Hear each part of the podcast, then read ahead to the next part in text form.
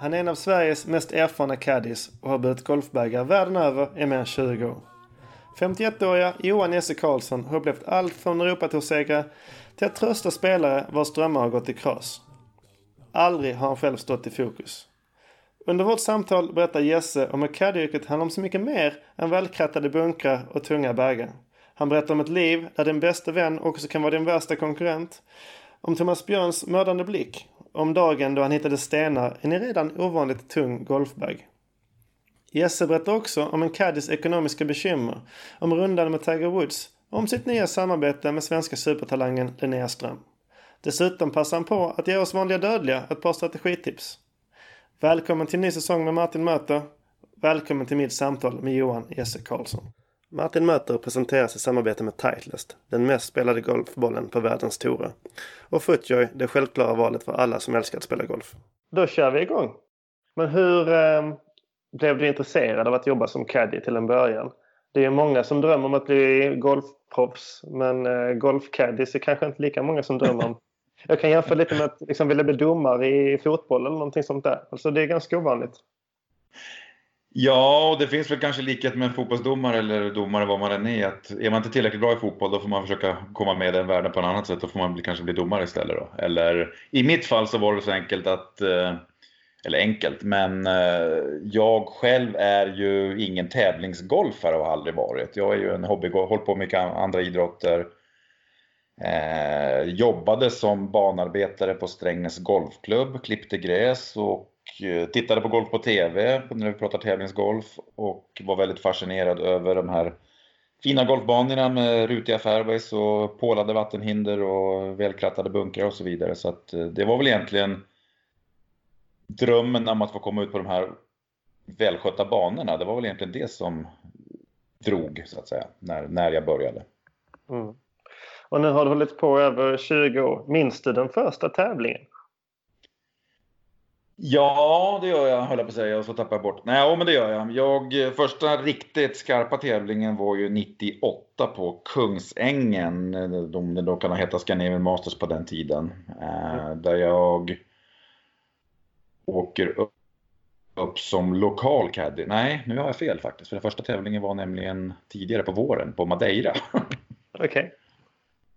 Eh, och den minns jag väldigt väl för att den var ju lite speciell. Jag tillbringade på den tiden vintrarna i Alperna och eh, fick för mig att jag ska nog prova på någonting annat. Så jag är bokstavligen i Alperna med en ryggsäck och köper en flygbiljett till Madeira utan att veta eller kunna någonting. Och sen 22 år senare så sitter jag här och pratar med dig och 500 tävlingar senare. Så att, eh, ja. Men vad var det som lockade då? Alltså hur kunde du komma på det där? Från, eh, från skidåkning i Alperna bara nej, nu ska jag till Madeira. Hur, vem kontaktade dig? Vem bar du bagen till? Och liksom, hur gick hela det där till? Ja, som sagt, det som lockade det var ju det här drömmen om att få se de här rutiga fina golfbanorna. Eh, jag var van att resa mycket själv. Jag hade gjort ett antal säsonger i Alperna vintertid och sen hade jag rest ganska mycket i övrigt. Eh, visste egentligen ingenting om någonting när det gällde tävlingsgolf. Den enda, den enda inputen jag hade överhuvudtaget det var att jag lyckades få hit Robban Karlsson några år tidigare när några kompisar till mig fyllde 30 år så kontaktade jag honom. Eh, men det är, det är den enda kontakten eller enda eh, insynen överhuvudtaget jag hade i proffsgolfen. Så att jag, jag åkte på vinst eller förlust och anmälde mig som lokal caddy och det slutade med att Johan Ryström som fortfarande var på touren vid den tiden behövde en lokal caddy och eh, det passade bra i och med att jag i alla fall kunde prata svenska och kunde bära bagen. Så att vi körde den veckan och sen Sen har det blivit några tävlingar till som sagt. Jag är uppe i drygt 500 nu. Då, så att... eh, vilka är de mest namnkunniga spelarna du har gått till? Som vi kanske känner igen då från, från Sverige? Ja, de jag är mest förknippad med med lite längre förhållanden det är ju Niklas Fast och Peter Hedblom. Eh, förra året jobbade jag för Peter Hansson om vi pratar lite namnstarka spelare. Eh, men nu som sagt från och med förra veckan så, så efter då drygt 20 år på herrtorerna så, så, är, så är det LPGA som gäller nu då, med Linnea Ström. Mm. Märker du några skillnader där? Eh, herrgolf kontra damgolf och kanske att man ska... Jag menar, alla människor är olika. Är det någon skillnad där? Ja, alltså både ja, rent, det är klart att det skiljer i spelet golf, alltså förmågan att uh, sätta fart på bollen och vad man kan göra med en boll skiljer sig ju en del, det, det, så är det ju. Men när det pratar förhållandet caddy-spelare så är det egentligen inte så stor skillnad och framförallt så tror jag inte att man ska göra för stor skillnad för det. Utan det nu har vi sagt bara gjort en vecka här så att jag ska inte säga för mycket än men Eh, det handlar hela tiden om att hitta liksom en bra eh, energi där ute och en bra miljö att jobba i som ska funka för både eh, den, på den sidan om vägen och mig. Så att, och det ger sig väldigt naturligt om man har varit med ett tag så, så, så faller det sig ganska enkelt faktiskt. Mm. Och hur skulle du beskriva jobbet? Jag tänker hur mycket är man bagbärare och hur mycket är man psykolog? Ja, bagbärare är man ju alltid, för då är det så enkelt att eh, på den här nivån, eller på de nivåerna som jag håller till, så, så måste de ju faktiskt ha bag. Det är, många, det är en fråga jag kan få ibland, varför har ni inte vagn? Jo, det är så enkelt att vi inte får ha vagn och även om vi skulle få ha vagn så skulle vi inte ha det ändå, för det blir väldigt opraktiskt. Mm. Eh, själv har jag en ganska dålig rygg och en dålig höft och så vidare och det är ganska många av mina kollegor som har, men, men det är liksom en del av jobbet att, att bära på den där bagen, så det är inga det faller sig naturligt. Mm. Men hur mycket, alltså jag vet ju att som caddy man coachar väldigt mycket om man är ett bollplank, inte minst mentalt. Eh, jag tänker att det är kanske en roll som har vuxit med åren. Alltså under, under de åren som du har jobbat så har kanske caddy-yrket i sig utvecklats ganska mycket eh, till att ja, man är coach helt enkelt. Eh, ja, det, det har det absolut. Absolut, det, det, är en stor skillnad idag. Eh, innan jag kom ut då, innan sent 90-tal, eh, tittar man långt tillbaks 70-80-tal när det började komma ut caddisar på touren, då var ju den gamla klyschan var ju eh, show up, keep up and shut up. Det var liksom arbetsbeskrivningen till en caddy. Det var lite en annan, annan nivå på allting nu. Men, men det är en helt annan kravbild idag. Det är precis som du säger så är det ju det är ett helt annat teamwork där man där väskbärarrollen mer och mer har övergått till en en coachande roll, så är det absolut. Sen kan man ju coacha på väldigt många olika sätt. Det kan vara en aktiv coachning och det kan vara en eh, ganska diskret passiv coachning som kanske inte ens spelarna märker av många gånger. Hur är coachen Jesse Karlsson då?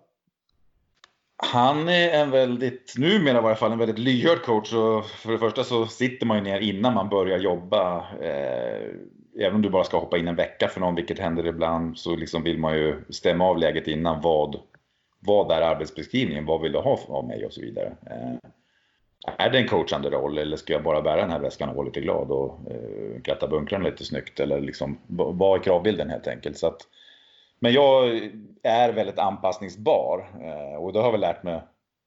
Dels är jag väl så som människa, men eh, i och med att jag jobbar ändå för så pass många spelare i så pass många, ja på flera torer nu och i olika situationer så så har man väl liksom en ram att man håller sig i eh, på något sätt. Svårt att kanske sätta fingret på men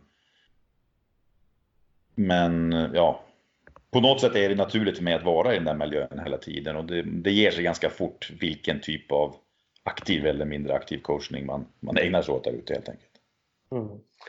Hur ser livet ut eh, där ute på toan annars? Jag tänker vecka efter vecka, man reser runt och umgås säkert med många andra caddies. Och men hur mycket man vänner och hur mycket man konkurrenter och är det slitigt?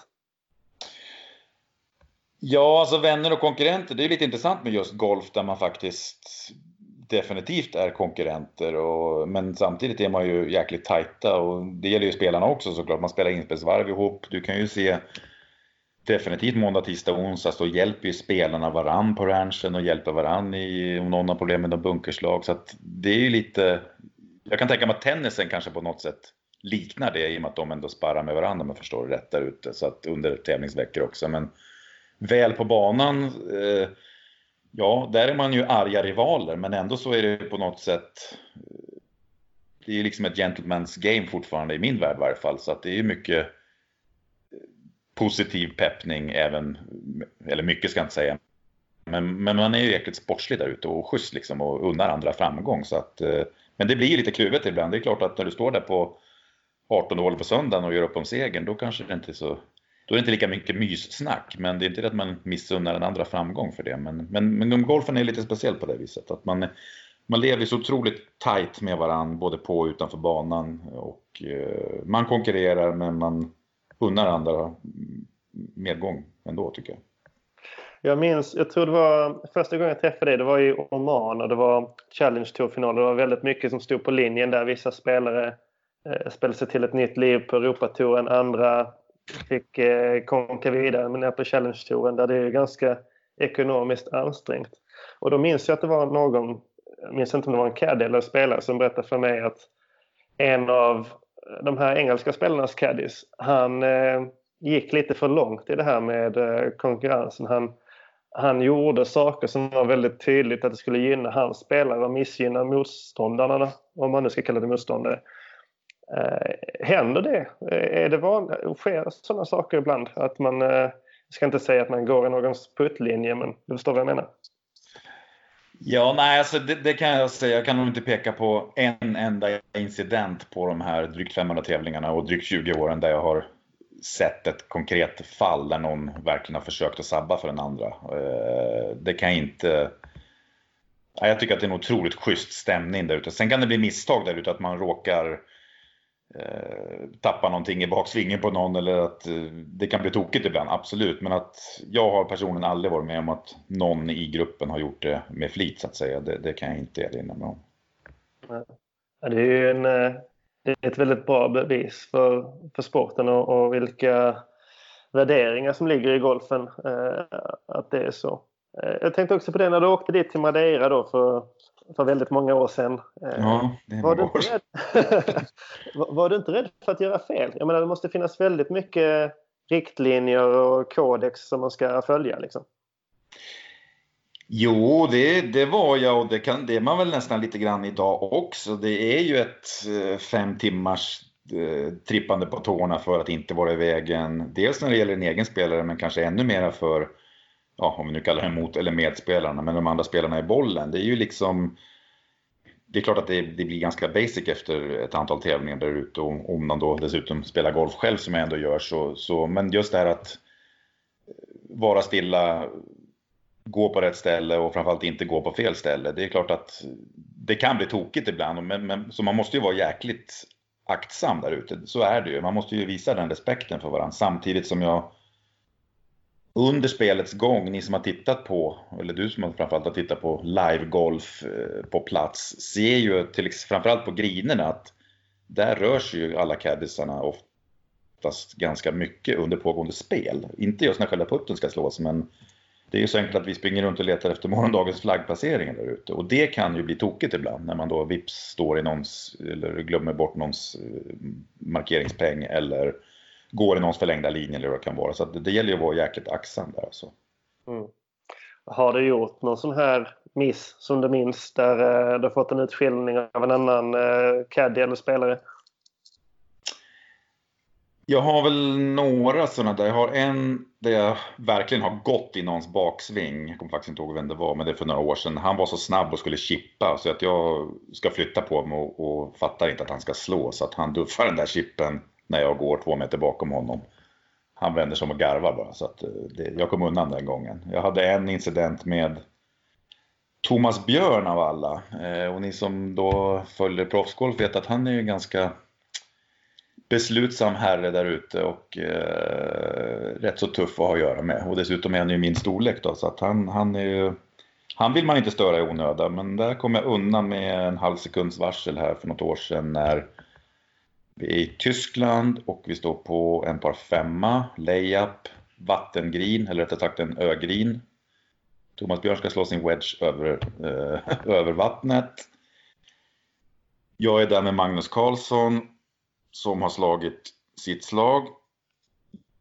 Jag går fram och hämtar den uppslagna torven och tror att Mange håller i baggen, vilket han visar sig inte göra. Så i Thomas Björns baksving så ramlar, eller rättare sagt i Thomas Björns nersving så börjar Magnus bag att gå omkull. Som tur är så tar det, han hinner träffa bollen först innan det skramlar till och bagen slår i backen. Då fick Då du en... Eh, alltså... kände jag att, eh, och det roliga var att som sagt Thomas han är lite lugnare på banan nu men han sa ingenting där och då, går upp till green, han har en tre meters som han då lyckas sätta för birdie och så står jag lite diskret 30 meter bort för jag tänker att nu får man väl en skopa men då garvar han bara och säger att eh, ja Jesper du hade tur den här gången men du borde veta bättre efter 20 år här ute att eh, någon borde hålla i bagen. Så att, eh, men det blev en rolig historia till slut. Han gjorde birdie så att det var frid och fröjd. Ja, läckert. Om du som caddy ska ge lite tips till eh, lyssnarna. Eh, om vi börjar på green. Du nämnde ju det innan att ni springer runt mycket där och tittar efter flaggor och så. Men om man ska läsa en putt det är ganska många, eh, märker jag själv när jag spelar sällskapsgolf, som är ganska dåliga på att läsa greener. Har du några tips till dem? Ja, jag borde ju ha en jäkla massa tips. Nu är det faktiskt så att jag generellt så läser inte caddisarna så mycket puttar längre. Nu har jag ett förflutet med Peter Hedblom som var en av de ganska få spelare fortfarande som, som tog mycket hjälp eh, av caddy när det gällde just greenläsningen. Så där var jag ju väldigt aktiv och med. Mm. Eh, nu är det faktum att mina ögon har inte blivit något bättre så att nu är jag rätt så tacksam om man slipper läsa några puttar.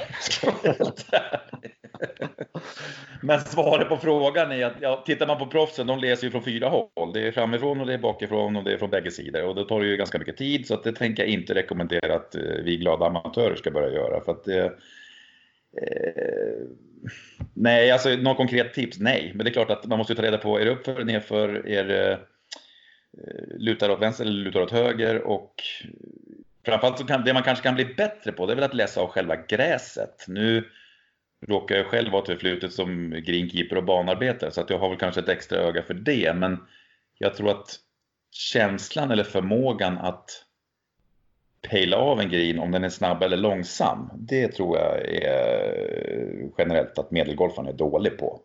Och sen är det väl också så att på den nivå vi spelar, eller de banor vi spelar, så har vi oftast kanske inte lyxen att vi har 18 exakt likadant preparerade griner och då, då blir det såklart svårare. På en tävling på den här nivån så är, ju, då är det ju liksom i princip exakt likadana griner när det gäller mm. grässorter och så vidare.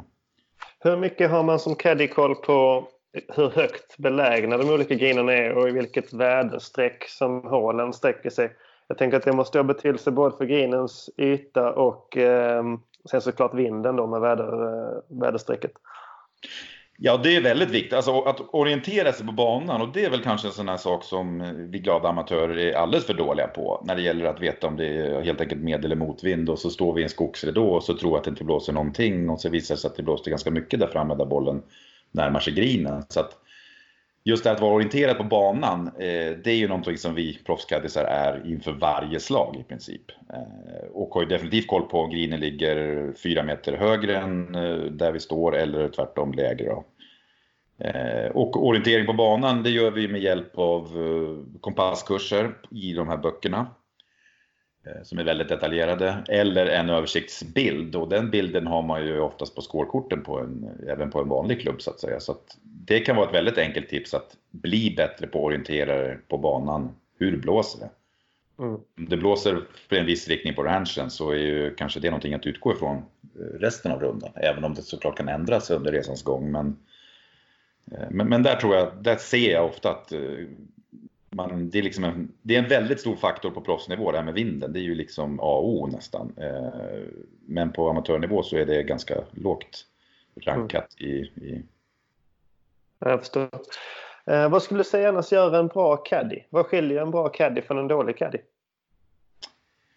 För mig är en bra caddy en caddy som har samma engagemang och driv i motgång som man har i medgång. För det jag brukar säga att det är det är nog världens enklaste och bästa jobb i medgång. Solen skiner, kommer in mot 18 green på söndagen och det kommer spelas in pengar och eh, det är mycket folk och det är tv-kameror. Då är det, då är det enkelt, för då har det ju dessutom gått bra. Eh, men den där fredagen när det blåser motvind och regnar och man är på väg att missa katten och för fjärde veckan i rad, då, då gäller det att kliva fram och liksom finnas där. Där och då och sen definitivt när vi ses nästa gång, om det nu blir på måndag om det är tävling veckan efter. Liksom. Men att hålla engagemanget och drivet i motgång, det, det, tycker jag är en egenskap i det stora hela.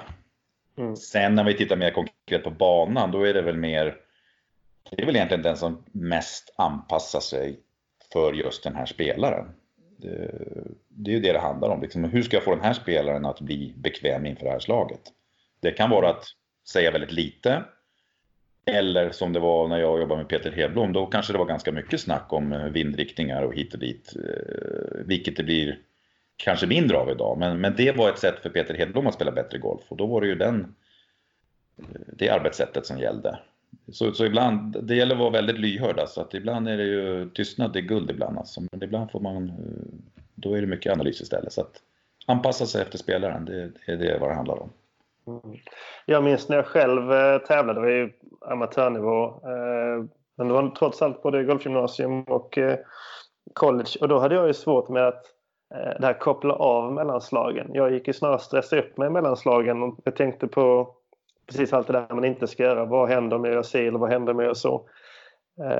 En lösning då minns jag var ju skulle möblera min lägenhet mentalt mellan slagen. Mm. Alltså, så här, mm. tänka på något helt annat. Är det någonting som, eh, som man jobbar med på proffsnivå också? Att liksom koppla från fullständigt mellanslagen ibland? Absolut, och det är också en konst. Liksom det är ju det är en del av det här, eller en väldigt stor del av det här teamworket. Det var en väldigt bra fråga skulle jag vilja säga, för det, det är väldigt mycket det det handlar om. För att gå där ute i fem timmar med fullt, fullt påslag, det, det funkar inte helt enkelt. Utan det måste vara en jäkligt tydlig av och på-knapp. Mm. Eh, det finns det, alltså det finns ju, det kan absolut vara en, en variant kan vara att man möblera den där lägenheten eh, efter ett slag eller efter två slag men gå i fem timmar och möblera den där lägenheten och inte prata med sin caddy. Då blir det ganska tradigt. Uh. Så, så det, det, är liksom mycket tjuvtricks ibland så Alltså ibland så gäller det att pejla av att nu är det faktiskt läge att inte prata. Nu har vi just gjort en bogey eller någonting och nu får han faktiskt, eller hon, gå och sura i, i två minuter tills vi ska slå nästa slag. Ja. Eh, då är det dags att kliva in igen. Så man, där måste man också känna av liksom att när är det läge att gå in och när är det läge att backa undan. Och det finns ju inget det finns ju liksom ingen given bok för det, rätt eller fel, utan där är vi återigen tillbaks på det här lite med personkänslan. Men om jag går tillbaka mycket till Peter Hedblom och han då som extremt hockeyfanatisk golfspelare och jag själv är nästan lika hockeyfanatisk, eller var i varje fall. Så det är klart att vi gick och snackade hockey dagarna ända i princip. Men det skulle inte funka med Linnea Ström som inte är speciellt, ja hon är faktiskt lite hockeyintresserad i och med att hon bor i Phoenix och har ett NHL-lag att titta på där. Men, men liksom bara det här, vad ska vi prata om eller vad är naturligt att prata om? Eller, och, men likväl, när är det naturligt att faktiskt vara tyst och liksom bara ge lite space? Så att det är den här avstämningen hela tiden. Men den skiljer sig från spelare till spelare, från dag till dag och i princip från hål till hål också. Så att det är liksom, det är lite upp och ner inom en viss ram där hela tiden. Har du något sånt där knep för att lyfta humöret på en spelare? Nej, ja, alltså det, det är klart att man det, det, är klart att man försöker trolla fram någon trigger ibland. Jag har väl en klassiker när jag går med Fide Jakobsson för x antal år sedan på en USA-tourtävling och vi är på väg att missa katten. Eller det ser, det ser lite smått tufft ut för sista nio på fredagen och då säger jag till honom, du, om du går sex under sista nio, då ska jag raka av med mina ögonbryn, säger jag. Och ni som känner, eller den som känner Fidde Jakobsson vet ju att det där var ju en trigger som han nappade på. Så att han börjar göra birdies här. Så det är birdie, birdie, par, birdie, birdie. Och det slutar med att han står på 18 grinen med en chip från 4 meter. Sätter mm. han den så ryker mina ögonbryn. Och han lippar ur en 360. Nej! var du glad? Var du glad då eller? Ja, jag kommer inte, alltså det blev ju väldigt så här, jaha, ska jag hoppas att den här går i eller inte? Men det blev verkligen, det drogs till sin spets. Men det var ju liksom en sån här liten, ja, liten fånig trigger som, som där och då lyckades jäkligt bra. Han gick ju trots allt fem under sista nio då, så, att, eh, så absolut. Vi hade en i söndags där så sent med, med Linnea där Eh, det blir, vi ligger ändå mer skapligt med nio hål kvar och liksom en bra sista nio så kan det fortfarande bli en topp 10 eller en topp 15 i varje fall. Eh, vi gör dubbel åttan, dubbel nian, så nu är det ju ganska tufft då första veckan och liksom hur, hur ska vi få till det här då? Så då på tian så säger jag till henne att kan du gå fyra under sista, sista nio hålen här så bjuder jag på nästa middag säger jag. Och det taggade hon till lite på. Nu lyckades det inte men, eh, men lite sådana där enkla liksom sparkar i arslet helt enkelt för att, för att titta framåt. Och det är väldigt mycket det det handlar om hela tiden. Hur får vi, hur, hur får vi eh, läckaget att upphöra efter ett misstag? Liksom? Det, alla blir sura, ledsna, besvikna, även caddisar när det, när det blir tokigt där ute. Men det gäller liksom att stoppa blödningen och då, då, då får man plocka fram några gamla tricks ibland. Jag tänkte på det där innan eh, när vi snackade om livet på touren. Hur, alltså, ekonomiskt, hur får man det gå runt som caddy? Eh, ja, det får man inte alltid kan jag säga. Det... Nej, men jag har hört 10% regeln någonting, att man får 10% av intäkterna. Men då har vi ganska mycket utgifter varje vecka. Väldigt mycket utgifter. Då kan man väl säga så här mellan tummen och pekfingret. Nu har det blivit så, framförallt om vi tittar på herrgolf, PGA Tour, så är det så extremt stora pengar så att de här gamla måttstockarna kanske inte riktigt gäller längre. Men, men i princip så, om man ska generalisera, så har ju då alla en, en fast eh, veckolön. Mm. Vi kan säga att det ligger någonstans mellan jag skulle säga om vi pratar i svenska kronor kanske någonstans mellan ja, 11 till 15 16 000 kronor i veckan om vi pratar Europatour herrar. Mm. Eh, och sen har man då på det en procentsats på eh, det som spelas in och det gamla klassiska är väl då, precis som du säger, 10% vinst, 7% topp 10, 5% resten. Men de där siffrorna är ju liksom, det är ju en, av, det är en deal mellan spelare och caddisar som, som man kan skruva på åt ena eller andra hållet. Liksom. Så att, men om man ska generalisera så ligger det väl någonstans där. Mm. Men och... då är det ju så att det låter så mycket pengar in, men det, det, då ska för de här pengarna så ska jag ju till exempel på lördag så ska jag flyga till Australien och sen ska jag bo på hotell en vecka och sen kanske jag ska hyra en bil och sen ska jag ut och käka mat varje kväll. Då räcker inte de där 10, 12, 15 tusen så jäkla långt helt plötsligt. Så att eh, de pengarna går åt, det är inga problem. Mm. Eh, och hur, hur, eh, du bor i Strängnäs annars. Eh, ja. Hur, eh, hur sköter man det dubbellivet? Ja, det det är ju rätt så tufft alltså. Jag är husägare nu dessutom sedan några år tillbaka. Nu kom jag tillbaka från Florida i, igår morse och eh, konstaterade att alla mina blommor låg ju som vattenkammade snokar längs eh, krukkanterna. Så där hade ju morsan helt enkelt missat några blommor. Så att mm. Nej, men det är klart att det är, det är mycket praktiskt. Alltså all, all logistik när det gäller då att ta sig till nästa tävling och det är ju, ja framförallt det här året kommer det bli väldigt extremt för mig. Då är det ju mycket långa perioder borta. Eh, väldigt... Eh, är man på Europatouren sommarhalvåret och så är man i Tyskland och missar en katt, ja då kan man faktiskt åka hem på fredagskvällen eller lördagen och sen flyga iväg till nästa tävling på måndagen. Men är man i Australien och ska spela veckan efter i Kina, då åker man förmodligen inte hem om man missar en katt. Det blir, det blir inte så många timmar hemma då. Så, att, eh, så det, det är mycket planering och de som sitter med som sagt, nu har jag mina blommor att ta hand om. Eh, jag bor själv numera. Så att, eh, men, men det är ju tufft såklart. Med, det är ju många som har familj och barn hemma som liksom, med de här långa avstånden som är nu. Nu kan man ju skypa och ringa och hålla kontakten den vägen. Men det är, men det är, det är ett tufft liv på det viset, absolut. Mm. Hinner man med att se någonting på de här, alltså Australien, det är en drömresa för de flesta, men hinner man med att liksom, snorkla i barriärreven? Ja, tyvärr är det väl så, eller tyvärr, det är väl så att går det dåligt så hinner man, för då kanske man får ledigt lördag och söndag när man inte ska eh, träna inför nästa vecka. Men eh, då, då blir det tid över till snorkling och vad det nu kan vara. Men om det går bra, då är det arbete från måndag till söndag. Det är sju dagars jobb. Oftast, jag skulle säga minst fem timmar, men ofta blir det både åtta och nio timmar på banan. Så att då blir det inte mycket snorkling och, och sightseeing, det kan jag säga. Men, men eh, hotell, flygplatser och golfbanor, den, det har man sett mycket av. Mm. Är man aldrig trött på det?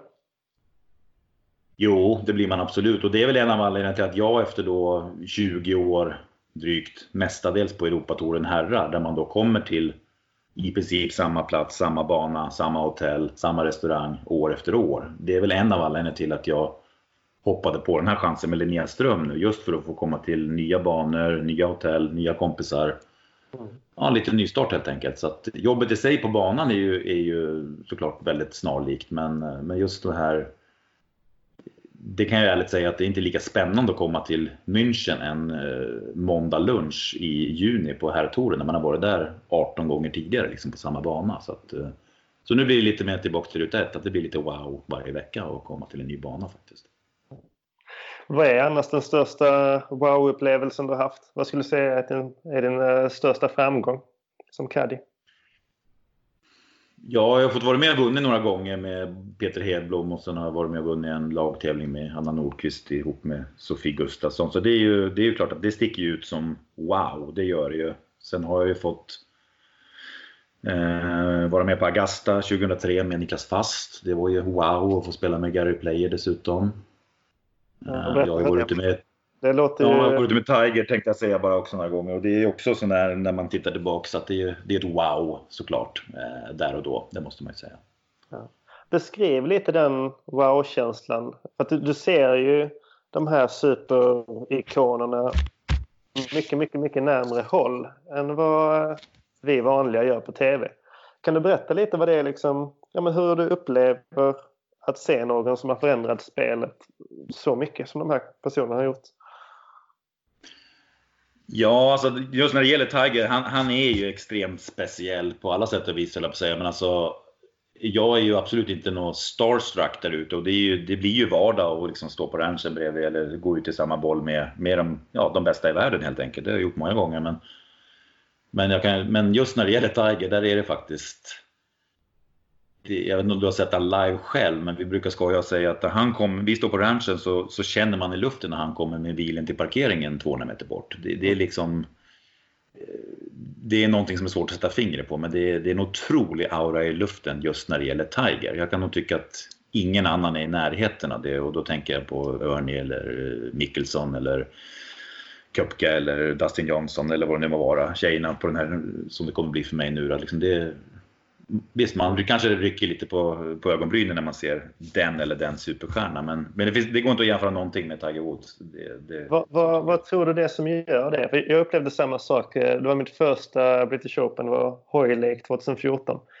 Ja. Och då var det, han skulle in på presskonferens där. Hade McIlroy hade varit där, Mickelson, Stensson, alla liksom. Men det här sålet i mediatältet, det fortsatte liksom eh, konstant sådär. Men när Tiger kom då var det som att släppa en bomb. Liksom det var knäpptyst överallt. Men vad är det som gör att det blir så med honom? Förutom att han har, liksom, är fantastiskt duktig och har varit väldigt duktig väldigt länge. Ja, alltså det är ju... Ja, det är ju egentligen ni eller du som journalister som har liksom... Ja, dels med, med att han har spelat så bra golf, men det har ju liksom... Det har ju byggts upp en myt runt honom och liksom han sticker ju ut med sitt utseende. Äh, jag, jag, kan inte sätta fingret på det, men, men, men precis som du säger själv, det, det, är ju en... Det känns ju i luften när han är där. Så, och även än idag ska jag säga. Även, även, ja, nu har han kommit tillbaks, men även när han var nere i sin dipp här nu under några år så, så var det fortfarande samma aura runt honom. Så det är väl någon form av något eh, samhällsfenomen, jag vet inte. Det är liksom, men, men han är ju, jag skulle säga att han är en av få kanske människor på jordklotet som, som kan skapa den här auran runt sin, sin närvaro. Det, ja, det, det måste upplevas för att förstås. Det, det, det är otroligt mäktigt faktiskt. Ja, det är verkligen.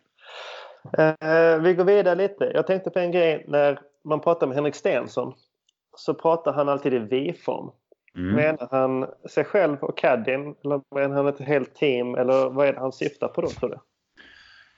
Ja, han har gjort det där till någon konstform nästan. För jag, det är nästan så jag sitter och funderar på saken själv. Därför att det började nog med att det var han och Caddy, men nu, han har nog nästan döpt om jag till vi om man ska vara ärlig. Så att, mm. men, men, men i grund och botten så, så är det ju ett, ett team. Jag tror att jag sa här för fem minuter sedan när jag pratade om att vi gjorde en dubbelbogey på åttan och nian. Eh, och det är också en sån där grej som kanske skiljer många, både spelare och caddisar, att det handlar om att vara vi i motgång. Det är skitenkelt att vara vi i medgång. Mm. Men, men eh, om vi börjar prata team så vi så är ju från att ha varit spelare och caddisar som har varit vi på banan så är det ju ett större team idag med, framförallt med toppspelarna, både på här och damsidan, så är det ju vi numera, det är ju spelare, det är caddy, det kan vara en putcoach, det kan vara en swingcoach, det är en mental tränare och det är en fys, kille eller tjej. Alltså vips så är det ju då sex stycken i det här teamet. Plus en fru eller en man eller flickvän eller pojkvän. Så att då var uppe i sju och så morsan och farsan och då är det, det kan vara helt plötsligt vara tio, tio pers i det här vi-teamet. Så att eh, vi har gått från två till väldigt många mer. I, framförallt för de lite bättre spelarna. Det måste vara ganska dyrt att vara eh, världsstjärna också. Jag menar man ska avlöna alla de här, kanske inte föräldrarna då men alla andra. Ja, och det är också intressant eller bra att du säger det för att det målas ju upp en bild av hela tiden om hur otroligt mycket pengar de här tjänar. Ja, det gör de absolut, de här absolut världsbästa. Men det så, finns otroligt många bankrutta golfproffs som har liksom försökt sig på den här drömmen och inte lyckats och helt enkelt gått, gått omkull rent ekonomiskt. De har liksom inte fått ihop det här. Det är, om vi skulle ta någon siffra mellan tummen och pekfingret så skulle jag tippa på att vi säger att du ska ut på en fyra veckors tour på Europatouren. Du kanske missar fyra katter i rad. Och jag skulle tro att du har utgifter som spelare på säkert 100 000 kronor. Så vips har du jobbat en månad och, och du går 100 000 kronor back. Det tror jag inte man gör i så många andra jobb. Nej, verkligen inte. Eh, jag tänker, tar alla de här en provision eller har alla fasta löner? Eller hur funkar sånt där? Har du koll på det? Dålig koll om man ska vara ärlig. Uh, jag skulle tro att 95% eh, har fortfarande någon form av fast veckolön och sen så har man då en, en procentbaserad bonus på det. Mm när vi ändå snackar pengar så måste vi nästan lyfta Matt Kutscher och den här eh, caddien David El och Tiss. Kommer du ihåg det? Mm. Ja, jag har bara hört. Ja, jag vet ungefär vad som hände. Ja, men det var att han, eh, han vann nere i Mexiko mm. och hackspetten då, eller David Ortiz, han, eh, han tyckte att Matt Kutscher gott kunde betala lite mer än vad de hade kommit överens om från början. Sen så blev det ju en stor snackis och det slutade med att Matt Kutscher eh, bad om ursäkt och, och betalade lite till om jag inte är helt fel på det. Men hur, hur pratade man om det här i caddyvärlden? För det måste ju nog varit eh, lite av en snackis där också. Ja, alltså både ja och nej. Alltså personligen, jag, jag, det kan jag säga. Jag själv, alltså pengabiten i det, det är klart som fasiken att jag måste, om man tittar på mig själv, få den här verksamheten att gå runt så jag har råd att betala lånen på, på huset ungefär. Men Pengafrågan i sig, där är man ganska diskret där ute. Eller jag är väldigt diskret. Vi pratar egentligen väldigt lite pengar. Och när det gäller just den här coachar-incidenten, eller vad ska kalla det för, den är ju... I min värld så är det en icke-fråga. Om de har kommit överens om någonting, oavsett om det är 5000 kronor eller 10% på en vinst, så är det liksom den muntliga överenskommelsen som gäller där och då. Det är inget konstigt att man tar in en lokal caddy och så går man och vinner och sen så så blir det inte de här 10 procenten, för det är inte det man har kommit överens om. Så att, mm. Återigen, alltså för mig handlar det bara vad har man kommit överens om? Det är klart att man måste stå för det så att säga, men inte mer dramatiskt än så. Har de kommit överens om ditten och då är det det som gäller sen när de har vunnit. Så det, det, det för mig är liksom en höna av en fjäder, absolut. Ja. Ja. Eh, men om vi ska försöka avrunda det här lite så tycker jag vi ska blicka framåt eh, en aning. Nu har du mm. Linnea Ström som du jobbar för eh, som ju har målats upp som en av de största talangerna vi haft de sista åren. Hur skulle du liksom beskriva hennes spel och, och vad kan man förvänta sig? som supporter? Eh, ja, alltså, jag har ju hört samma, jag har ju liksom haft koll på de här. Jag har ju sagt till mig själv om inte annat i, i några års tid att jag har ju, jag har gjort några inhopp förut ska jag säga på, på både, ja, på damsidan helt enkelt på LPGA. Så jag är inte helt främmande för miljön, jag har inte haft någon permanent bag. Mm. Eh, jag har ju följt Linnea, jag har ju haft lite, den generationen, den här nya generationen har ju dessutom de senaste åren sprungit på lite grann när de har varit amatörer i och med att jag själv har varit engagerad i, i, på här sidan med amatörerna och då har vi varit på läger och så här ihop ibland. Eh, jag har dessutom haft nöje att få vara kapten för Linneas bror Adam som var med och vann pojk-EM-guld på Lidingö här för några år sedan. Mm. Eh, så, så, det är klart att jag har koll på att hon är en stor talang och liksom förväntas en, en väldigt bra framtid. Så att och det jag sett den här veckan, ja absolut, det finns ju alla förutsättningar för det och det är bara att titta på hennes record. Hon har ju liksom vunnit på alla nivåer från flicklandslag, damlandslag, eh, college, ungdoms-OS, eh, Symmetra Tour. Så att det finns ju potential där. Det som är lite extra spännande kan jag tycka, det är ju att hon slår ju bland de längsta där ute. Mm. Hon kan faktiskt carra en driver nästan 240 meter och vi spelade ju med några tjejer här förra veckan där jag, jag kan överdriva och skarva ibland men jag, nu, om man ska hålla mig till sanningen, så var hon ju alltså ibland 60-70 meter före medspelarna. På en mjuk bana ska jag säga. Då skulle vi då börja prata lite links och grejer med rull, då är det ju... Mm. Det blir ju bisarra längdskillnader så att, äh, det är spännande. Hur viktigt skulle du säga att just längden är för, äh, liksom en, för att bli bra som golfare? Ja, intressant fråga. För en av de här tjejerna vi spelar med, en av koreanskorna som jag inte eh, kommer ihåg namnet på eftersom för mig heter likadant allihop höll på att säga. Men hon har alltså vunnit eh, fyra LPGA-tävlingar eh, plus två majors, visar det sig. Och slår då extremt kort med, även med dammått mätt. Så att, ja, uppenbarligen så, så går det att vinna golftävlingar ändå. Men det borde vara lättare att vinna golftävlingar när man står med järn 9 in än när man står med järn 4 in i det långa loppet. Så att, eh, det, kan man säga slå lite rakt så, så långt och rakt brukar vara en bra kombo. Mm. Oavsett tävling. Eh, taktiskt sett eh, innan vi slutar tycker jag också att du ska ge ett par tips till, eh, till de som lyssnar. Hur, hur man bäst navigerar sig runt en bana rent strategiskt.